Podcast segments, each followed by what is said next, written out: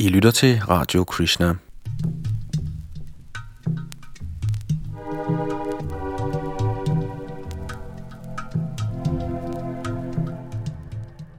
Sadaputa Das har skrevet en bog, der hedder Gud og videnskaben, hvor han behandler forholdet mellem religion og videnskab. I dette indslag vil vi høre et uddrag fra kapitlet om Gud og fysikkens love fra denne bog. Det har vi oversat til dansk, og for oplæsning og teknik står Yadunandan Das.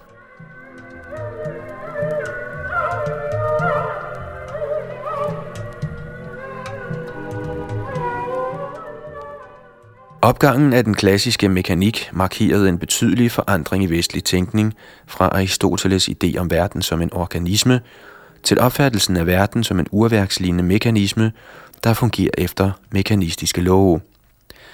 Den klassiske mekaniks særlige kendetegn er determinisme, det vil sige den idé, at alle begivenhedsforløb til alle tider strengt bestemmes af de præcise materielle betingelser, der hersker på et givet tidspunkt. Determinisme har mange dybgående filosofiske konsekvenser. Hvis for eksempel naturen faktisk er strengt styret af deterministiske love, må organiske væsener være rene maskiner, og muligheden for, at der kan eksistere et ikke-materielt sind, der samspiller med materien, er udelukket.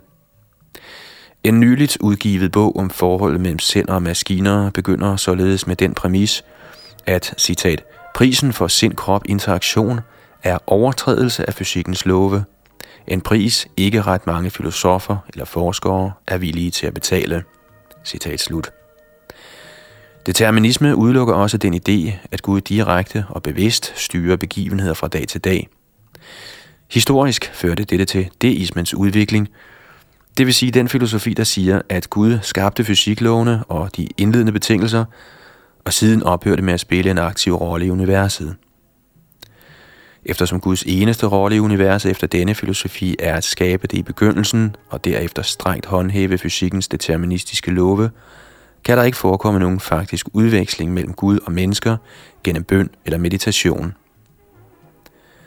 Hvis Gud lader til at svare på vores bønder, kan det således kun være fordi universets indledende betingelser bestemmer den senere begivenhed af bøn og svar. Den naturlige konklusion af denne filosofi er, at vi kun bør hæfte os ved naturlovene. Hvorvidt Gud befinder sig i baggrunden eller ej, har meget lidt praktisk betydning.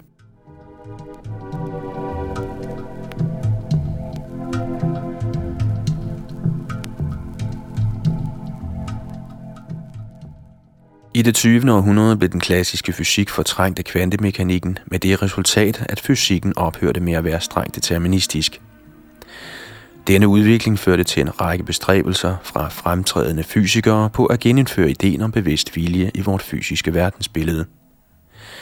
I midlertid bevirkede kvantemekanikkens ankomst mere end blot at tilføje et element af indeterminisme. I sin standardformulering kræver kvantemekanikken, at vi opgiver ideen om at forme et sammenhængende teoretisk billede af en objektiv virkelighed – dette lader til at hæmme forsøg på at harmonisere fysikken med nogen verdensanskuelse, der fremstiller Gud, verden og de bevidste levende væsener som eksisterende i et eller andet gensidigt forhold. Således har bestræbelse på at forbinde kvantemekanik med metafysiske idéer ofte begrænset sig til at drage paralleller og at bruge fysikteorier til at tilvejebringe metaforer, der illustrerer transcendentale filosofier –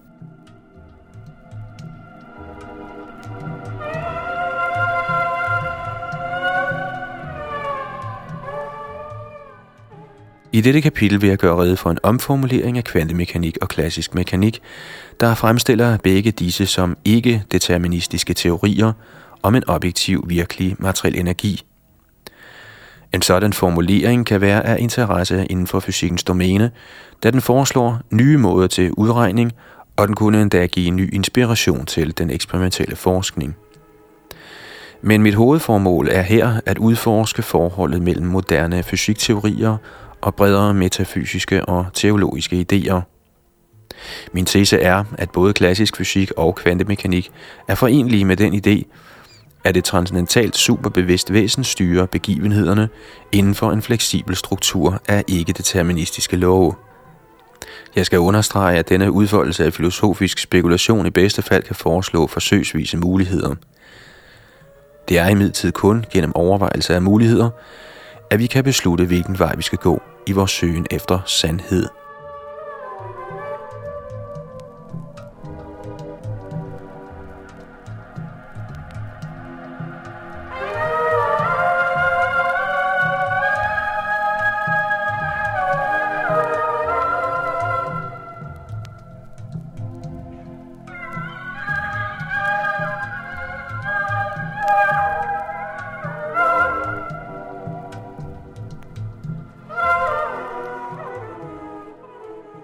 Og det var lidt stof til eftertanke fra kapitlet om Gud og fysikkens love fra Sadaputas bog Gud og videnskaben. Her oversat og oplæst af Yadunandan Das. Ønsker man at bestille denne eller andre af Sadaputas bøger, kan man finde linket til hans hjemmeside inde på vores danske hovedside www.krishna.dk.